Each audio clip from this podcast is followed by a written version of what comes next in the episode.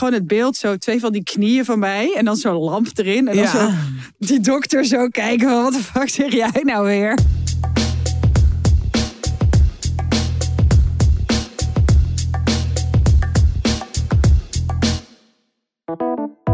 Hallo en welkom bij weer een nieuwe aflevering van Tussen 30 en Doodgaan. Aflevering 131 alweer. Op afstand, ik zit in eh Rinseshuis. En jij Hilversum. zit voor je vertrouwde boekenkast. Hier verandert gewoon nooit iets. Dat is toch best wel fijn ook soms. Nee, precies. Zullen we mensen vertellen dat het, gewoon, dat het gewoon een poster is die je Ja. achter je hebt hangen van een boekenkast? Dat eigenlijk. Zo kut.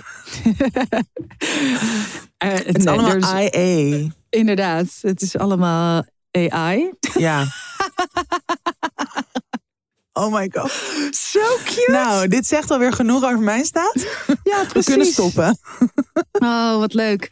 Eh, in wat voor staat tref ik je? Ehm, ja, ik weet niet. Ik trek deze maand bijzonder slecht.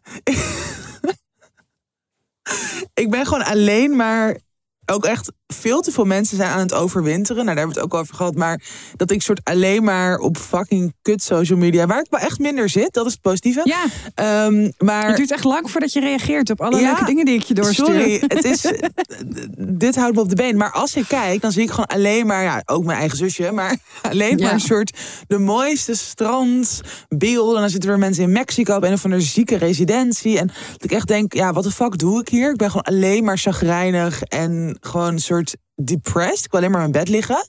Ja. Maar ehm, ik heb wel, ik heb gewoon even zo weer zo'n gevoel van, oké, maar uiteindelijk kijk, niet alles is maakbaar, dat weten we allemaal. Maar uiteindelijk ben je wel gewoon de enige die dingen wel weer in gang kan zetten of gewoon kan veranderen. Mhm. En nou, ik had best wel een goede therapiesessie deze week. Ehm, ik had afgelopen jaar EMDR ook wel eens over verteld. Ja. En dat heeft wel dingen in gang gezet. Maar op een gegeven moment was het ook een beetje dat het op zo'n gewoon zo'n punt bleef hangen van ja, er is gewoon veel kuts gebeurd. Mhm. Eh, ik heb heel veel dingen daar nu van wel weer een beetje in beweging gebracht. Of dat ik, dat ik minder spanning eromheen voel. Of, of nou, Mhm. traumasymptomen. Maar het is ook gewoon best wel fijn om in het hier en nu dingen waar ik tegenaan loop, gewoon wat concreter weer daar iets mee te doen. En natuurlijk zijn heel veel dingen dan verbonden aan shit van vroeger. Ja. Dat weten we allemaal. Maar nu heb ik een soort eh, heel praktisch beetje systeem of ehm, schematherapie handboek van mijn therapeut Oh, gekregen. wauw. En nu gaan we zo elke week ja, daar dan een soort hoofdstuk uit doornemen. En dan ook dat ik oefening moet doen. En ik vind het aan de ene kant kan ik me er ook heel erg tegen verzetten. Want weer zo'n soort schools, weet je wel. Dat je echt denkt, ja, eh, Mhm. Heb ik hier zin in. Maar ik heb nu gewoon na twee weken dat we hiermee bezig zijn... echt wel weer een soort nieuwe inzichten. En een beetje het gevoel van, oh ja, er gebeurt gewoon echt weer wat. En dat Ja. is heel lekker. Ehm, ik ga waarschijnlijk weer even een, een kantoortje eh, delen met een paar andere freelancers. Om gewoon ik hou mezelf altijd voor dat ik prima thuis kan werken. Wat ook kan als het moet. Maar om dat elke dag te doen, Ja. is eigenlijk not. Werkt gewoon niet. Mhm. Ehm, dus volgens mij is dat gewoon heel goed. En eh, nou, ik heb dus gewoon een paar van dat soort dingen. Dat ik denk, oh ja, ik ben wel weer echt zo de regie aan het terugnemen. Er is zo'n boek. Ik denk dat wel sommige luisteraars het kennen. Het is best wel bekend. Het heet The Artist Way. Heb jij er wel eens van gehoord? Nee, Nee, het is ook niks voor jou. heel grappig. Ik denk dat jij het sowieso te zweverig vindt. Maar ehm, mijn moeder die heeft daar vroeger... Want het idee is dat je... Het is, het is gewoon een boek en het hoeft helemaal... Het is niet per se alleen voor creatief of voor kunstenaars. Maar het gaat wel erg uit van... Iedereen kan in principe creëren. En iedereen komt in wat voor proces, creatief proces ook altijd soort blokkades en worstelingen tegen. Dat je zelf gewoon... Weet je, op een gegeven moment dan de slechtste schrijver ooit kan vinden. Of kan denken, wie ben ik om weer om, een boek te gaan Nou, dat soort gedachten heb ik de hele tijd, de laatste tijd. En dat is fucking vermoeiend, want ik moet gewoon een roman schrijven. Maar het lukt gewoon niet heel goed. En ehm, dit boek, nou, je begint dan bijvoorbeeld ook met, met dan elke ochtend moet je dan gewoon een soort vrij schrijven. En dat Mhm. zou dan ook helpen om dus die blokkades de rest van de dag tegen te gaan. Oh ja. Want als je dan gewoon al weet ik veel hoeveel pagina's hebt geschreven, dat je dan al natuurlijk in een soort natuurlijkere flow zit. ja. En mijn moeder heeft het dus vroeger heel lang gedaan met een vriendin.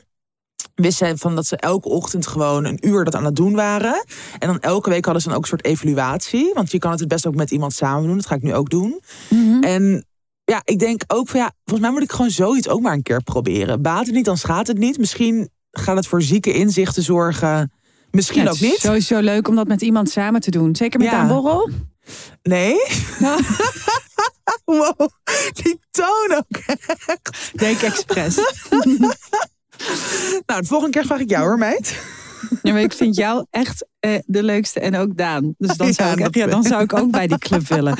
Maar ja, dan zou ik ook weer iedere morgen moeten gaan schrijven. Ja, doei. Ja, en dan vet vroeg opstaan. En dan zou jij maar alleen maar weer gaan klagen in een soort groepsapp. Precies, en jullie dag begint sowieso vier uur vroeger dan die van mij. Dus dat wordt... Maar echt waar. Ik jou elke ochtend wakker bellen vanaf nu. Oh, ja, oh. Echt jouw droom. Oké, hoe gaat het met jou? Nou, met mij gaat het goed. Ik eh, had gisteren een optreden in Almere. Hmm. ehm, voor allemaal mbo- en hbo-studenten. Wow, Eh, of spannend. nee, eh, docenten. Ah ja. En het ging over podcasts. Dus ik heb heel veel Oh, over ons verteld. En eigenlijk ging mijn hele stuk over eh, kwetsbaarheid en wat de Mm. functie daarvan is. En eigenlijk wil ik daar zo straks nog even op induiken in het hoofdthema. Ja. Maar het was wel zo, eh, ik moest als derde, er waren zo drie sprekers. Het, het was een seminar. Mm. Eh, en ik voelde me wel weer, ook omdat het voor docenten was, gewoon weer de loser van de klas. Want ja, ik ging zitten en nou, eerst eh, ehm, kwam Ernst Jan Swat. Oeh, ik ben nu even zijn achternaam kwijt. Ik zei hem net heel snel, maar Van de correspondent of niet? van de correspondent. Ja, of nou ja, nu is hij daar weg, maar hij heeft Ja. natuurlijk dat mede opgericht. Eh, ja, heel, he- echt ontzettend leuke man. Eh, nou, waanzinnige PowerPoint-presentatie natuurlijk. Bam, bam, Natuurlijk. bam.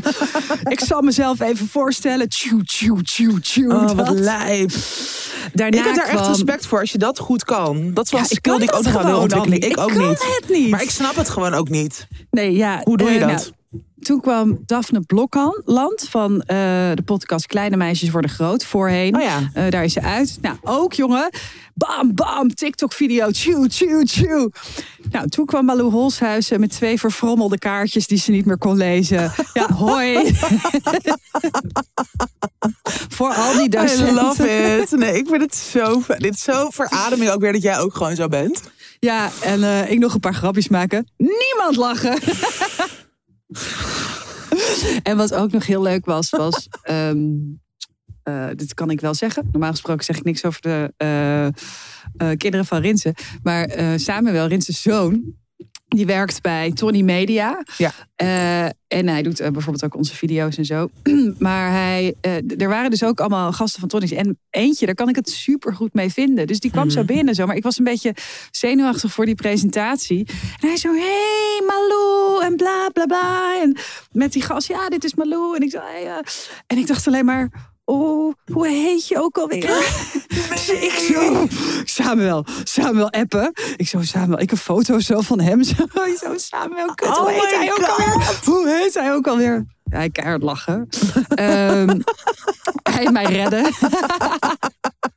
Oh, dit is zo chill. Praise Oh. Samuel. Ja, die heeft me, ge- heeft me gewoon gered. En, eh, en toen zijn we... Daarna moest ik even naar de huisarts om een spiraal te checken. Oh ja. Nou, Ik heb een kieste. Of een cyste, wat is het? Nee. Ja, ik dacht Eh, dus al... kiesten. Kieste. Ja. Ik weet het nou, niet, sorry. Ja. Nou, er zit iets Harde met of pus. zachte C. Lekker. En, ehm, dus ik moest ook meteen weer ehm, natuurlijk een uitstrijkje om te kijken of alles wel eh, Ja. eh, goed is. Maar dit komt wel vaker voor, uiteraard. Maar het is wel. En toen zei ze al, ik zei tegen haar, ja, ik heb best wel veel kramp, maar ik, ik googelde dat dat of oké is of je hebt kanker. Dus zei die Alle huisarts- kanten keek mij zo aan, zo, maar echt zo. Dat gewoon het beeld, zo twee van die knieën van mij en dan zo'n lamp erin en dan zo die dokter zo kijken van wat de fuck zeg jij nou weer? Ik zo ja, Goeie dat is scène. gewoon. Het is ook de hele tijd wat Rinse. Rinse vraagt, als ik iets heb, vraag Rinse. En heb je het al gegoogeld? Zeg ik ja. En kanker? Ja. Ja, maar dat is ook echt zo. Een soort Ja. van alles bij alles. Elke klacht staat er ook in het rijtje. Binnen Het drie kan kanker zijn. Ja, dat is gewoon. Binnen drie klikken ben je dood. Dus, ehm, en eh, toen zijn we daarna, uh, Rins was mee naar de dokter. Zijn we daarna, het, het kan trouwens helemaal geen kwaad. Dus ze zei, dit gaat waarschijnlijk vanzelf weg. We houden het in de gaten. En Ja. eh, nou, dat. Ehm, en maar toen, zorg dat ervoor dat je dan bloedt ook. Nou ja, die bloeding, die is, ja, het was ook gewoon menstruatie. Dus het was gewoon, ja, en je zet ook gewoon een soort stalen ding in je baarmoeder. Ja, dus, dat is ook bij iedereen ja. is dat ook anders hoe je daarop reageert. Precies. En de vorige keer. Ja, en de vorige keer ging die, die eerste, dat kan ik me niet eens meer herinneren. Maar alle keren daarna was gewoon de oude eruit en de nieuwe erin. Dus dan, weet je wel, is het wel gewend eraan. Maar dit is weer allemaal Ja. weer, Ja, weet ik veel. veel tijd tussen, et. Trouwens, die controle was helemaal niet pijnlijk of zo. Ook die, dus het was echt prima en het was fijn ook. Ja. Ja, Gelukkig. het was niet fijn als in, het was niet lekker, maar het was Het was gewoon. super prettig. Echt een leuk uitstapje. Weer wat Precies. nieuws. Het is dan, ik voel me dan wel altijd eh, heel erg eh, ongepast volwassen of zo. Ja. Weet je wel? Dat je zo, oeh, nou, kijk eens hoe goed ik voor mezelf zorg. Ja. Jezus man, je gaat gewoon naar een controle. Maar goed. Ja, maar aan de Ehm, andere kant, er zijn wel echt natuurlijk heel veel mensen, ook vanuit dus dat ze het gewoon spannend vinden of ongemakkelijk schaamte, Ja, dat je dan gewoon niet gaat. En ik denk dat bijna iedereen dat gevoel wel kent. Het is gewoon super kwetsbaar om daar met je benen zo wijd te, te liggen. Het is gewoon een van de kwetsbaarste controles wel als je dus iets medisch doet, Ja, precies. hebt, whatever. En, dus en, en ik heb altijd, zodra ik ga liggen, dat ik denk, oeh, heb ik wel gecheckt of ik, me, of, of, of ik geen wc-papier of zo daar nog heb liggen. Dat is dan, zal je net zien, weet je wel. Heb je dat niet gecheckt? stuk wc-papier. Zit er nog, zit er nog zo'n halve rol. Maar omdat ik wel altijd daarvoor nog even naar, de, naar het Ja, toilet ga. en dan ga je ja. zo, ja, dat, nou goed. Eh, daarna zijn we naar mijn opa gegaan. Die hadden we even opgehaald. En eh, eh, hij, het is echt heel grappig. Want hij, eh, wij- ik heb altijd het ding met hem Hm. dat. eh, dit doe ik echt al tien jaar. Dat zodra we ergens zijn en hij moet dan ergens gaan zitten. Gaat u daar maar zitten, meneer Holshuizen? Ja, heel goed. Doet u dat maar. Dan zet ik hem heel erg voor lul. Maar hij Wat? gaat, dan, Jij bent zo'n draak. hij gaat dan meedoen. En dan gaat hij roepen: Zuster, zuster. Gaat hij echt crazy debiel doen. Eh, dus dat hadden we gisteren gedaan eh, eh, eh, in de lift. je, hebt zo, zo'n lift in Echt dat hilarisch. Ja. En stond zo'n bord van... Nou, nemen we even de huisregels door, meneer Holshuizen. Wat staat hier? Geen overlast, Oh my god. Heel grappig. En op een gegeven moment zei hij... Hij is natuurlijk ook gewoon 90 en eh, een beetje verward. Dus hij keek me zo aan. Hij zo, we gaan bij je moeder eten, toch? Ik zei, ja, we gaan niet bij jouw moeder eten. En hij keek me zo aan. Hij zei, ja, ik vind deze wel op het randje, hoor. Ik vind ze- Ik zei, oh.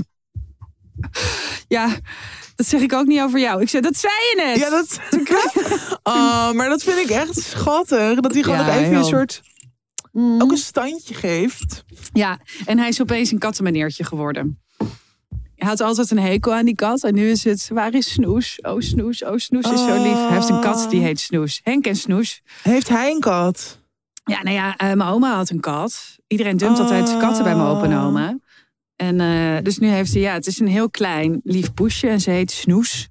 Snoes is zo. Oh, die na, oh mijn hart breekt echt open. Nu hou ik nog meer van jou, opa. Waar is Dus Snoes? Ik kan Ja. echt maar huilen hierom. Echt? Nee, ik zal Ja. volgende keer even een, filmpje voor mij maken. Ja. Henk en Snoes. Oh. Dus, dus Wow, echt leuk. al met al gaat het bij mij gewoon best wel goed. Ja, ik heb een deadline. Ik moet nog voor overmorgen 4000 woorden schrijven. Jezus, Malou. I know! Oepsie! Ken je dat? Dat je in je hoofd had. Ja, ik weet dat ik een deadline heb. Volgens mij was het een, een kort verhaal. Wat zal het zijn? 1500 woorden. En dat je dan hoort 4000. tussen de 4 en de 6000 woorden. Jezus. Uh-oh. Ik denk, denk dan ook altijd aan die aflevering van Girls. Dat Hannah dan zo'n soort. Dat hij een e-book gaat schrijven. Dat ze het eerst helemaal zo helemaal verheugd. Dan zo op een gegeven moment. Oh ja. I'm gonna write a whole book in one day. Ja, Gewoon inderdaad. die vibe. Ja, nou ja, niet een heel boek, maar wel 4000 woorden. Ja, in twee precies. dagen. Super. Kan ik. Zet hem op. Ja. Dus dat. Dus eh, nou, zo, zo zit ik erbij. Goed. Oké, Laten we doorgaan. nou, we gaan door.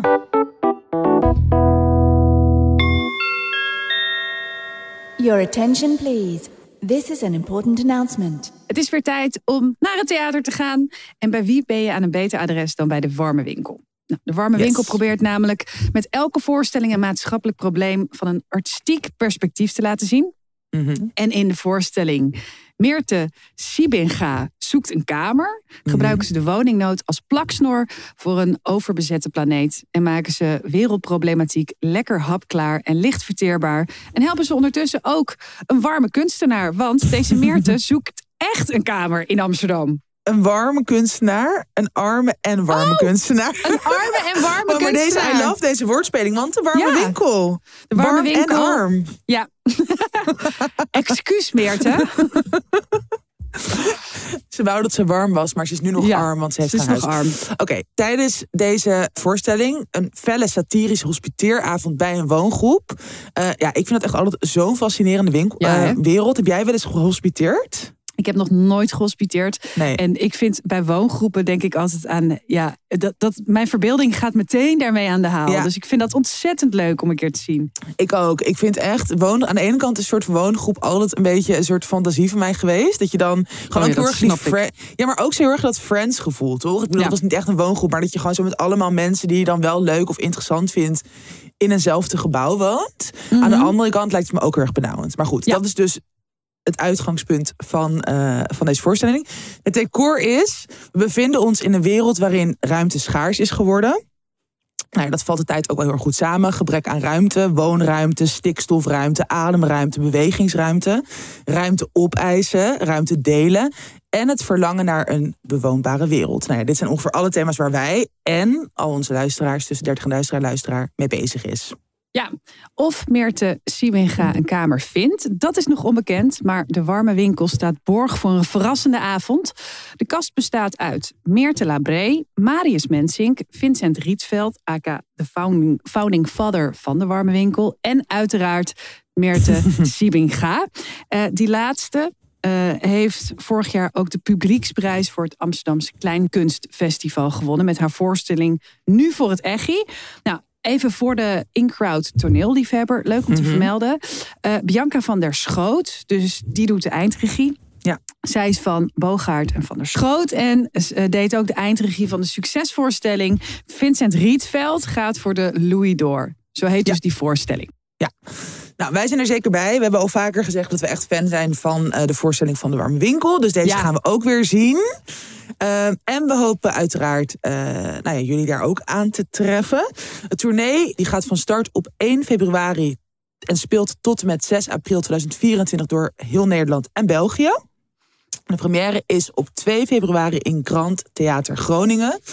En eh, voor de volledige speellijst kan je kijken op www.dewarmwinkel.nl. Uiteraard ook in de show notes. Lekker naar theater. Tot daar! Goed, waar wil jij het over hebben vandaag? Vandaag. Nou, ik, ik heb gewoon. eh, Oké, ik moet ook zeggen dat ik dus in deze periode, denk ik, iets sneller geagiteerd, geërgerd ben. Mensen haat, dingen haat. Dat, dat zou ik erbij vermelden. Maar ik word gewoon even zo gek van hoe wij allemaal ons leven leiden. En dat iedereen, zeg maar, zowel werk als privé, gewoon altijd teringvolle agenda's heeft. Dat je een soort van, als je een afspraak wil maken, ook al is het gewoon voor iets kleins. Dan wij dat deze week ook. Ja, en dit gaat ons, het is niet één iemand aanwijzen, want het gaat ons allemaal aan. Dat is in de meeste Amanda. situaties zo. Ja. was gewoon- nu wel... eh, ja.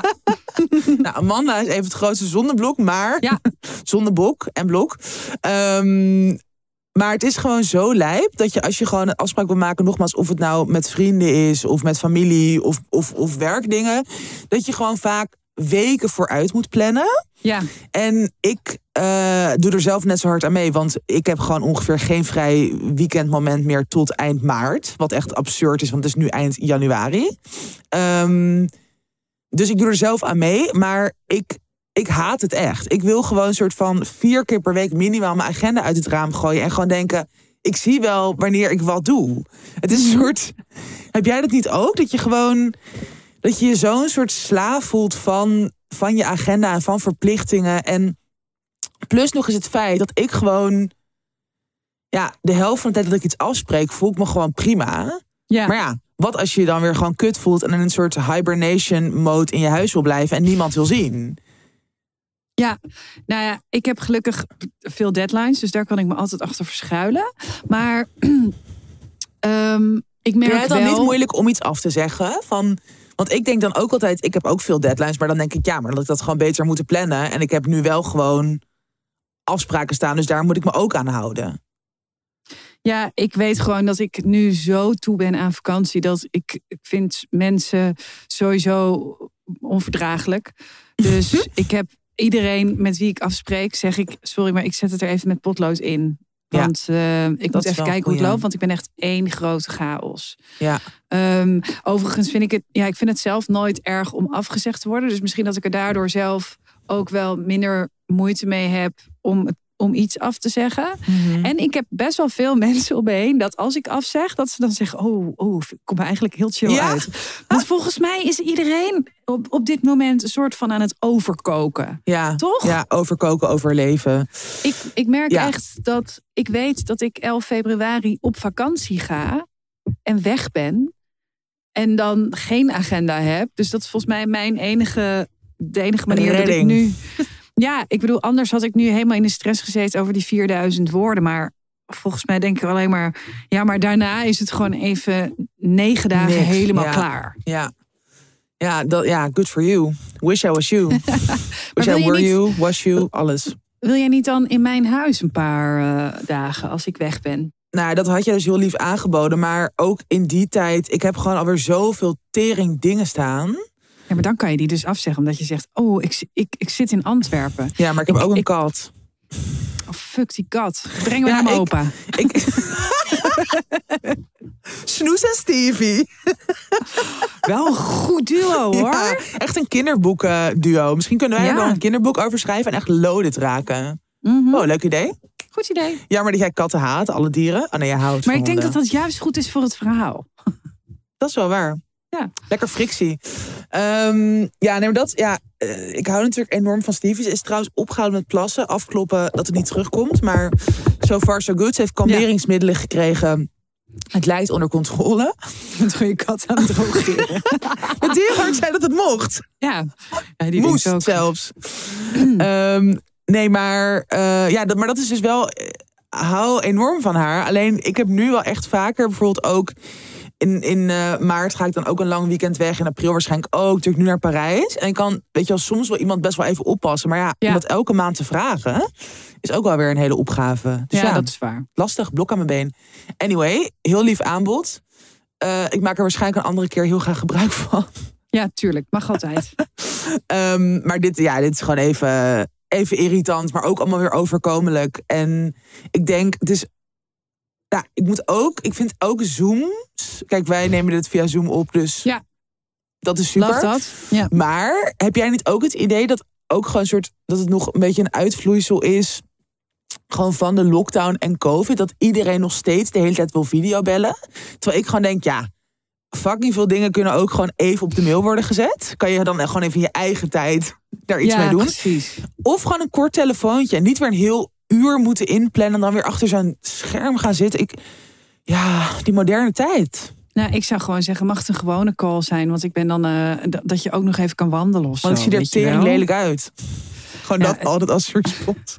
doet me denken aan eh eh, Jul, onze Jul van de samenwerkingen. En Rinse, als in onze Rinse van de podcast. Zij zijn eigenlijk een soort van het hoofd van dit bedrijf, hè? Van Ja. La, Lala Media. Lala Media. Zij maken dus onze podcast. Ze maken Pep Talk van Pepijn Schoneveld en de Hete Brei. Ehm, en eh Co en Zo van Nina de Lacroix en Rick Paul van Mulligen. Zo, hebben we die meteen eventjes eh, genoemd. Eh, Waar blijven maar- onze centen voor deze promotietalk? Ja, precies. Maar Jul is... Kijk, Rins is natuurlijk nou, net geen boomer. En Jul is natuurlijk Een zieke Gen Z'er. een zieke, volle bak, knijterharde Gen Z'er, inderdaad. Ehm, waardoor Jul een periode heeft gehad dat ze eh Rinsen de hele tijd ging facetimen. Gewoon als ze hem wat wilde Ja. zeggen. Ja, de, maar die paniek in die ogen van die man. Wat grappig, ik wist dit helemaal niet. Naar die telefoon. Ik kan het me Oh zo voorstellen.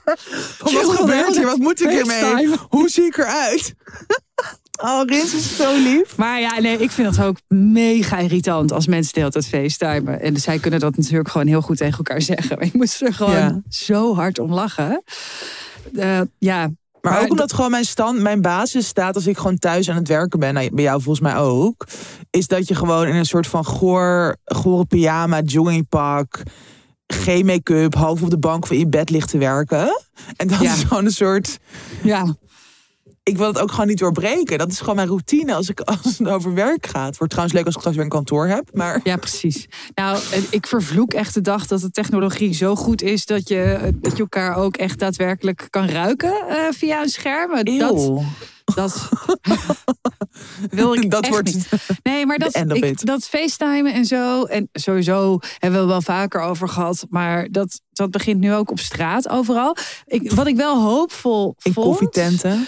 Ja, wat ik wel hoopvol vond, is dat ik, dat ik dat nu ook echt een paar van die Karens zag doen. Weet je wel, die, die lopen nu ook zo door de supermarkt en overal. En dus dat ik dacht, oh, maar misschien is dat dan een beetje wat ook gebeurde bij Facebook. Weet je wel, Ja. dat, dat zodra die Karens op Facebook zitten met al hun glitterplaatjes en weet ik veel wat, die waren zo a- overgedropen aankomen drijven vanuit hives. En die zaten toen op Facebook. Toen was i- iedere Gen Z millennial zo Gewoon weg. Ja. dus ik hoop nu ook dat dat met dat eh, eh, overal videobellen ook zo Ja.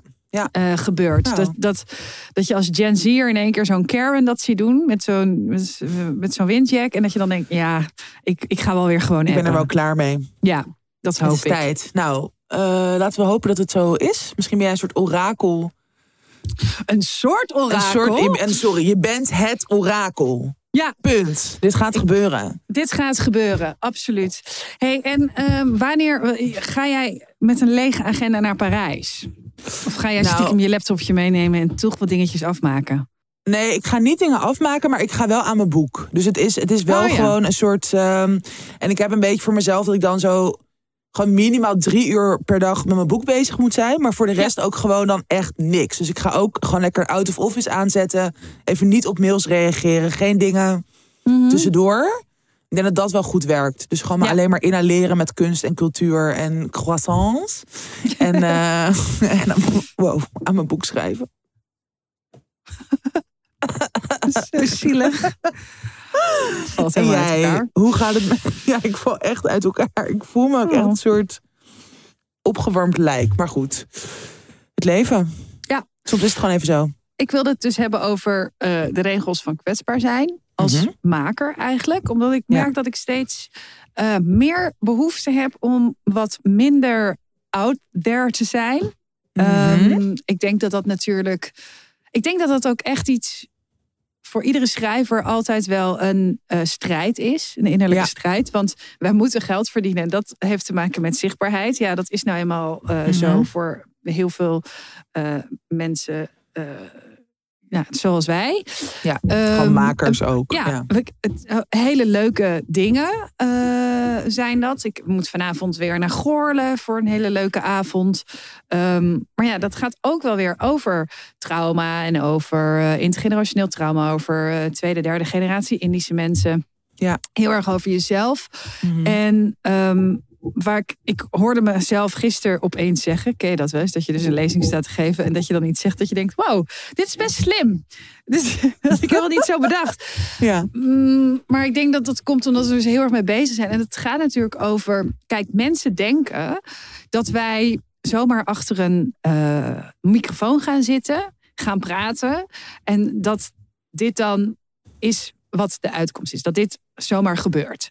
Maar dat Ja. is natuurlijk helemaal niet zo. Want die kwetsbaarheid van ons, die is heel doordacht eigenlijk. En die, Ja. die heeft ook nou ja, bepaalde grenzen. Hè? En iedereen heeft andere grenzen.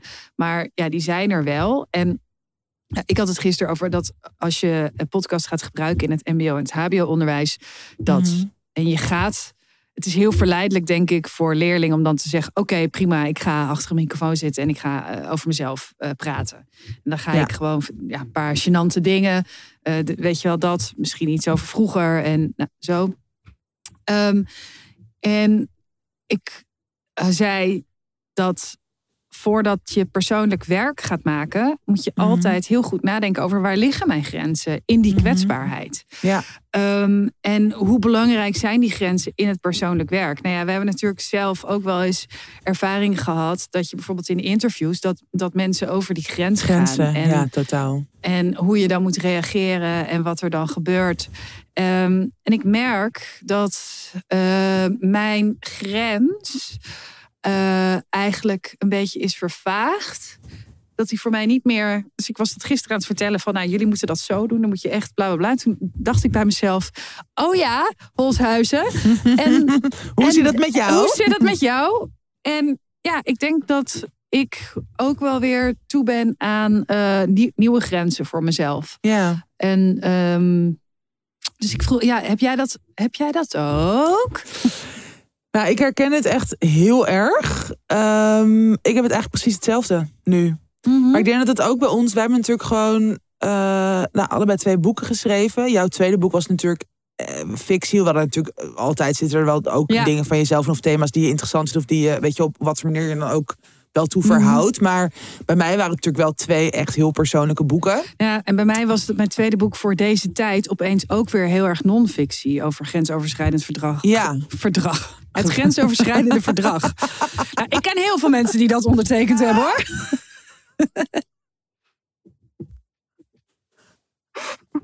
Het is de uitzending. Ja, het is de uitzending van de versprekingen. Freudiaans, ja. prima. Um, sorry, ik, ik onderbrak je. De boeken. Uh, nee, dat, dat, en dat we daar natuurlijk gewoon dan, dat je daar ook zo erg door wordt geconsumeerd. Inderdaad, heel veel lezingen, heel veel interviews. Maar dat het op een gegeven moment, het zijn natuurlijk ook thema's waar we voor een deel in ieder geval echt al, ja, eigenlijk best wel doorheen zijn gegaan al. Of gewoon ook heel veel hebben doorleefd. En waar je dus ook gewoon op een gegeven moment misschien een beetje klaar mee bent. En dat het gewoon Ja. ook niet echt meer resoneert met wie je nu bent. Of wat je nu belangrijk vindt. Of waar je nu veel energie aan wil geven. Mhm. En ik denk dat het ook heel erg, tenminste dat, dat ervaar ik bij mezelf. Ik weet niet hoe dat voor jou natuurlijk is, maar wij zijn natuurlijk ook nu best wel. Jij gaat theater in, ik ben dan nu voor het eerst. eh, eh, ja, e- een echte roman. Nou, dat vind ik ook altijd dom om te zeggen, maar in ieder geval fictiewerk aan het maken. En ook met andere fic- ja, fictieprojecten bezig in andere vormen. En dat het ook daarvoor denk ik best wel belangrijk is om ook weer meer naar binnen te gaan. En dus minder een soort. En dus met die nieuwe thema's bezig te gaan. En minder soort van alles maar ja, in de openbaarheid te gooien. Want dat kost toch. Het kost gewoon fucking veel energie. Ja, en dat is ook in het verleden waard geweest. Omdat we het heel erg belangrijk vonden om het over deze thema's te hebben. En omdat je iets in gang wil zetten, iets wil bewegen, iets wil bijdragen ook. En het ook voor onszelf op verschillende manieren, denk ik, heel waardevol is geweest. Ja. Maar ik vind het gewoon niet in ieder geval gek dat wij nu allebei eh, ja, dit ervaren. En dat we gewoon inderdaad ook weer opnieuw. Dat is zo mooi wat je zegt. En dat heb ik ook niet zo gerealiseerd. Maar ik denk dat dat ook bij mij zo is. Dat inderdaad het gewoon een beetje vertroebeld is. Van wat zijn eigenlijk Mhm. mijn grenzen? En waar voel ik me nu nog goed bij? Dat, ja, je bent natuurlijk ook altijd in verandering als mens. En Ja. Het is ook heel erg logisch, denk ik, wederom, dat je daar ook weer. eh, Ja, en je weet ook dat het best wel lastig wordt. Dat, ehm, kijk, die grenzen die zet je voor jezelf. En die moet, het is dan aan mij weer om dat eh, uit te dragen. Maar bijvoorbeeld straks als dat nieuwe boek uitkomt, journalisten en zo, die hebben helemaal geen idee dat mijn grens toch wel weer een beetje ja, eh, omhoog of naar beneden. Gaat hij dan omhoog of naar beneden? Nou, dat mijn grens even wat duidelijker is neergezet. Ehm, en ik denk dat het bij mij nu ook heel erg speelt, omdat dat boek eraan komt. Dit komt nooit meer goed. Daar hebben we 19 persoonlijke verhalen geschreven met het Mhm. thema Dit komt nooit meer goed. Nou, sommige zijn heel geestig, maar sommige zijn ook. ehm, nou, ik had toen een keer een column geschreven over eh, een aanrijding met een persoon eh, op het spoor. Dat ik dat had gezien op televisie. Daar heb ik het hier Mhm. ook op, over gehad. En eigenlijk heb ik nu voor het eerst in, in één verhaal opgeschreven dat, eh, eh, dat ik hier vijf keer mee te maken heb gehad. En Wat natuurlijk wow, krankzinnig ja. is. Ja. Maar ik ben me nu ook al aan het voorbereiden op het gesprek.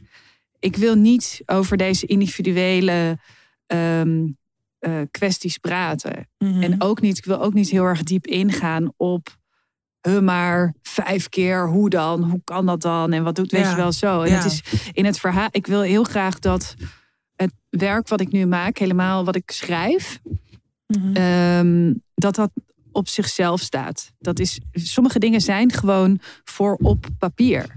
ja, Ehm, en dan kom je in een soort strijd met, ja, maar je moet dus ook een promo-tour doen, weet Ja. je wel? ja. En ik denk dat ik, wat, waar ik ook een beetje bang voor ben, is dat die grens eh, bij Zacht op Lachen, ehm, toen dat uitkwam, nou, door sommige journalisten is die echt genegeerd. ja. Ehm, Ja. En ik heb daar ja, toch wel. Nou, ik denk dat ik dat toch wel achteraf moeilijker heb gevonden dan op het moment. Omdat op het moment daar ook nog een soort van overweldiging tegenover stond. Mhm. Weet je wel, van, van succes en zo opeens. Ja, en dat ik daar nu toch wel zorgvuldiger mee omga. Maar ook weet dat dat eigenlijk niet meteen geaccepteerd wordt. Ja. Omdat, ja, hallo, jij schrijft het op. Ja, hallo, Ja. jij. eh, Ja, maar ik denk dat daar, dat dat, en dat is ook dus op meer soort collectief niveau, dat we daar ook best wel uitgesproken in mogen zijn. Dat het betekent Ja. niet als je iets opschrijft, dat je maar overal mee moet dealen of dat het er allemaal bij hoort. Ja, Eh, Ja. ja, dat, wel- dat, maar dat moet, dat moet je ook gaandeweg leren. Want vooral als je gewoon fucking debuteert, heb je, ja, je hebt gewoon geen idee ook. ik, eh, ik werd toen een keer gebeld toen er nieuws was over dat vreselijke ongeluk met die stint, stent, weet je Ja. wel? Ja, toen werd ik dus gebeld door een talkshow. Hey, ja, je hebt het vast wel gelezen. eh, en eh, ja, aangezien jij, alsof ik dan een soort van expert was op Ja, eh, ongelukken rondom Ja. spoorwegovergangen. ja of absurd. of zelfgekozen dood op deze manier. Ja, ik Mhm. vond dat zo krankzinnig. Echt schaamteloos. Ja, ja, en ik dacht dus, dus dat is zo grappig dat als je dan gisteren voor zo'n groep mensen staat en je jezelf hoort zeggen. Er moet goed gesproken worden over die grenzen. Je moet dat goed voor je. Je moet echt. Ja. Weet je, wat betekent het nou eigenlijk? Ja. Wat betekent kwetsbaarheid? Want kwetsbaarheid is voor mij niet vertellen wat je hebt meegemaakt. Weet je, want dat kan ik echt met droge ogen. Ik kan met droge ogen zeggen, nou, dat, dat, dat, dat, dat, dat en dat. Maar daar gaat het niet om. Het gaat erom met hoe, hoe deal je ermee en hoe ontwikkel je je met zo'n last op je schouders of met, weet je wel, dat. En daar zit die kwetsbaarheid. Omdat dat dus heel erg fluïde is. Ja.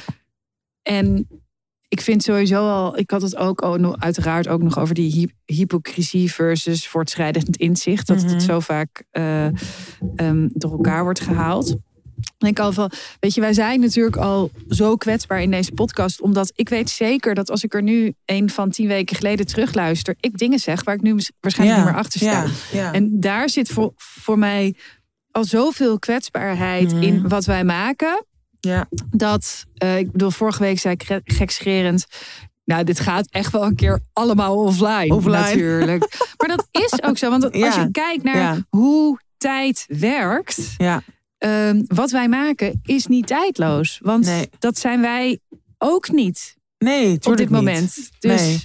En ook niet alles wat je inderdaad dus nu eh, wil doen of belangrijk vindt of waar je nu over uitspreekt, daar heb je inderdaad ja, over een jaar, nou precies wat jij zegt, misschien over een paar weken, maar in ieder geval over een jaar of over twee jaar, denk je daar waarschijnlijk in ieder geval voor een deel echt anders over. Of heb je Ja. misschien inderdaad überhaupt gewoon geen zin meer om elke week vooral over jezelf te Precies. praten. Dat, ja, dat, dat is gewoon wel hoe het gaat. Ja, en ik merkte dus ook nu na, na dat boek schrijven met 19 verhalen over mezelf, eh, dat, eh, dat ik nu die 4000 woorden, dat is wel fictie. En ik dacht, Ja. oh, wat lekker, wat een verademing. Ja, ja. Het werkt echt, daarom heb ik er denk ik ook geen stress van, omdat het me heel erg ontspant. Omdat ik denk, Ja. ah, het is helemaal niet, Malou. Noem een naam. Ja, zo heet ze. Leuk. Olivia, ik ga lekker schrijven over Olivia. Olivia. Let's go. Yay. Dat.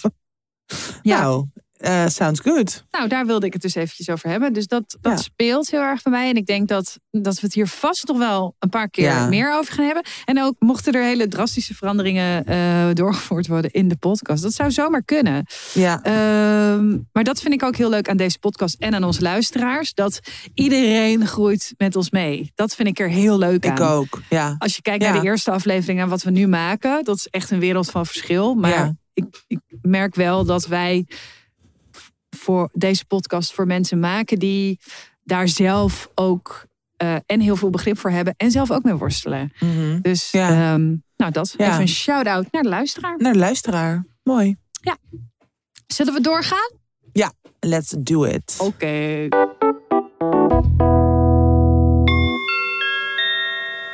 Your attention, please.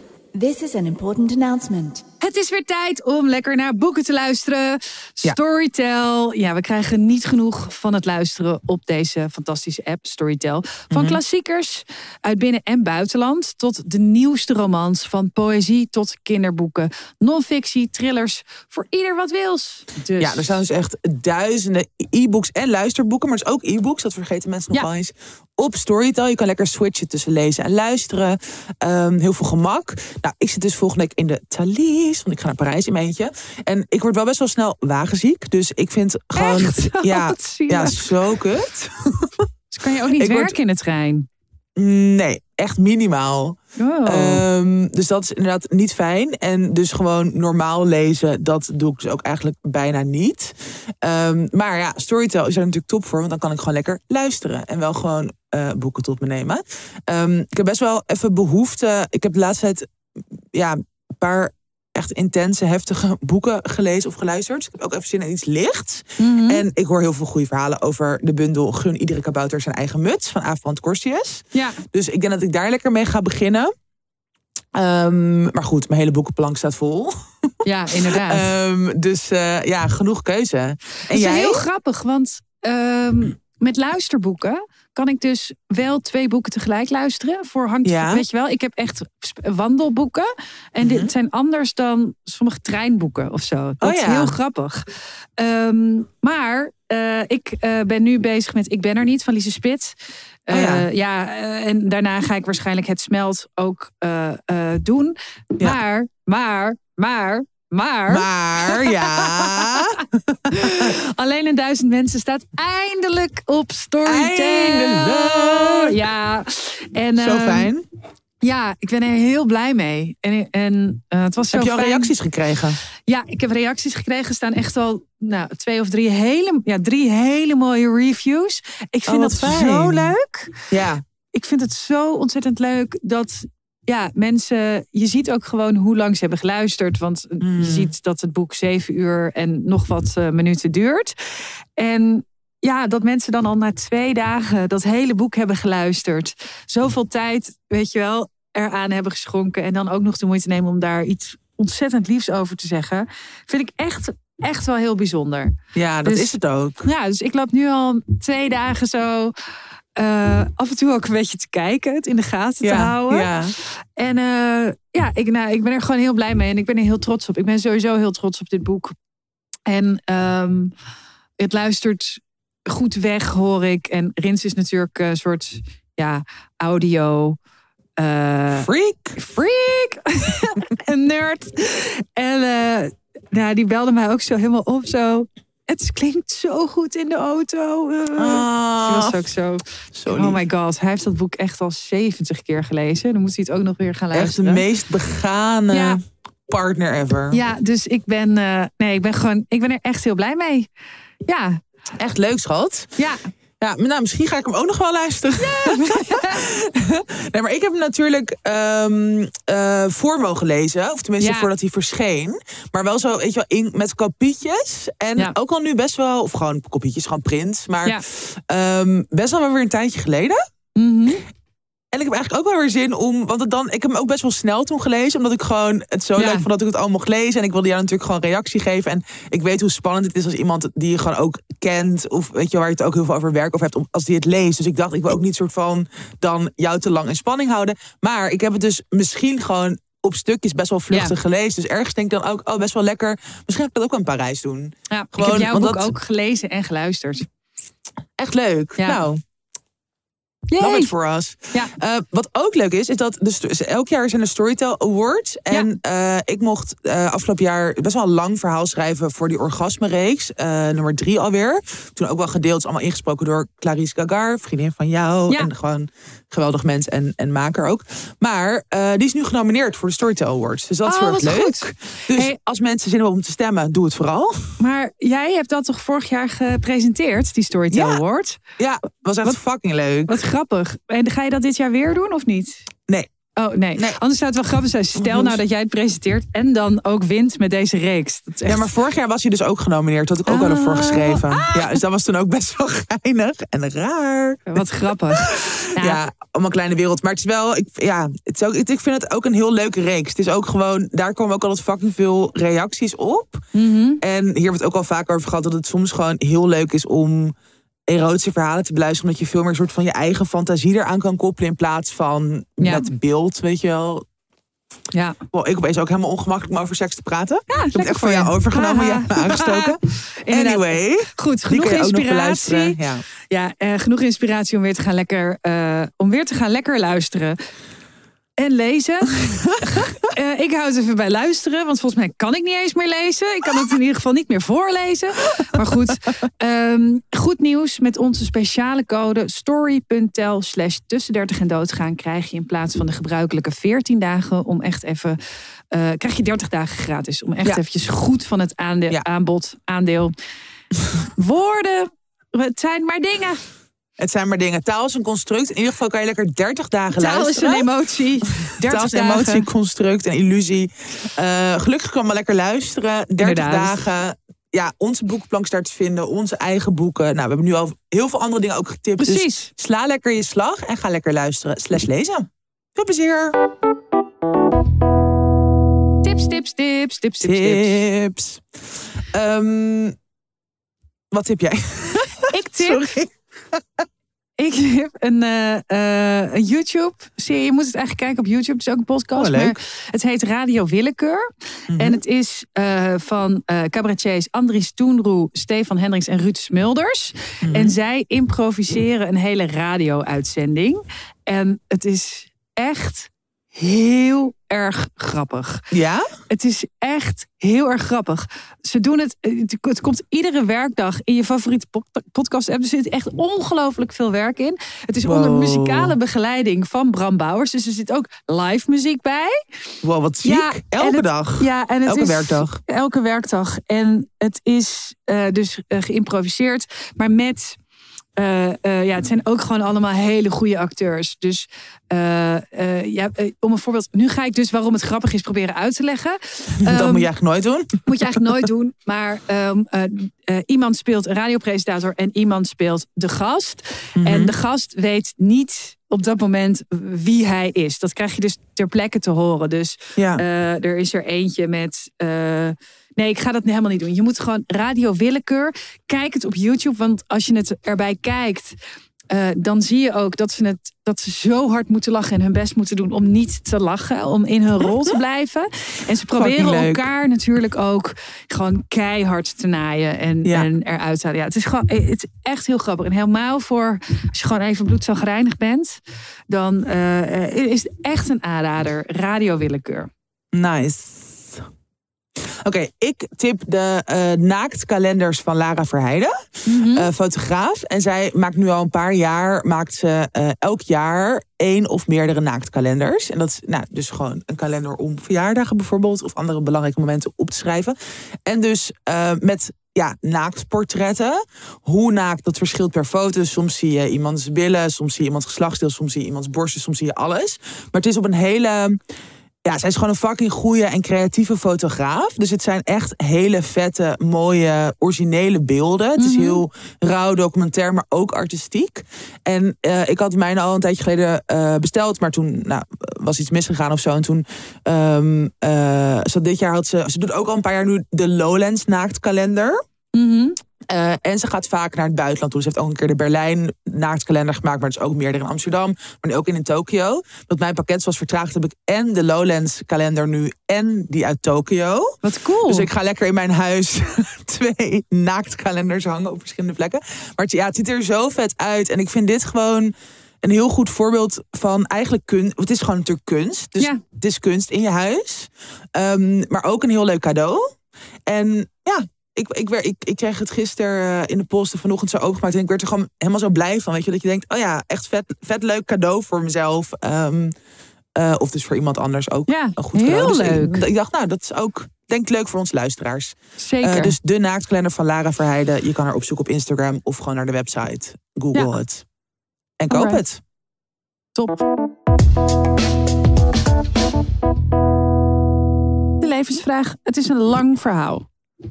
Moeten we hem samen lezen? Of lees jij hem? Ik eh, ga een poging doen. Oké. Hey, jij meiden. denkt ook. Ja, ik eh, vertrouw jou even niet vandaag. Met de tekst. Love you still. Ehm, ik heb jullie podcast pas ontdekt en gelijk alles gebinged. Superleuk. Nu mijn levensvraag. Een paar jaar geleden is een oude vriendin van mij overleden. Ze was mentaal erg ziek en ging al jaren tussen begeleid wonen naar gesloten inrichting heen en weer. Over de jaren is het contact verwaterd tussen haar en de vriendengroep die we hadden. Het klinkt misschien taai, maar het werd op een gegeven moment erg moeilijk om met haar bevriend te zijn, omdat ze de realiteit door haar ziekte zo kwijt was. Wij moesten door met ons leven. Over de jaren ben ik ook het contact kwijtgeraakt met de rest van de vriendengroep, tot een van de meiden uit die groep toevallig bij mij in de klas kwam, een paar jaar later. De klassen zijn klein, dus het contact is redelijk nauw. We, werden niet, we waren niet per se vrienden, maar konden het prima vinden met elkaar. Toen onze gezamenlijke vriendin overleed, kwam ik erachter via social media. Heftig, maar niet ge- geheel onverwacht. Ik belde gelijk de enige vriendin die ik nog heb van die tijd en stuurde ondertussen een berichtje aan mijn klasgenoot. Ik wilde liever dat ze het van mij hoorde dan via social media. Nu bleek dat de klasgenoot het al lang wist. Zij is namelijk overleden door te stoppen met. Of die vriendin dus is namelijk overleden door te stoppen met eten in overleg met haar artsen. Een soort euthanasie zou je kunnen zeggen. De vriendin die is overleden had mijn klasgenoot uitgenodigd om afscheid te nemen. Dat heeft ze dan ook gedaan, ongeveer een week voor haar dood. Ik kan de overleden vriendin niks kwalijk nemen. Het is haar goed recht om te kiezen van wie ze afscheid wil nemen en van wie niet. Wel had ik graag van de klasgenoot een heads-up gehad over dat onze oude vriendin zou komen te overlijden. Puur informatief. Maar dat heeft ze dus niet gedaan. Ik heb me hierover erg boos gevoeld en het haar erg kwalijk genomen. En een paar jaar later blijft dit hangen. Ik voel alleen niet zo de behoefte om dit gesprekken met haar aan te gaan. Nu de vraag: kun je rouwen om een persoon waar je al lang geen contact meer mee hebt? En hoe kom je over deze boosheid heen van niet geïnformeerd worden over een overlijden? Ik vind het een mooie vraag.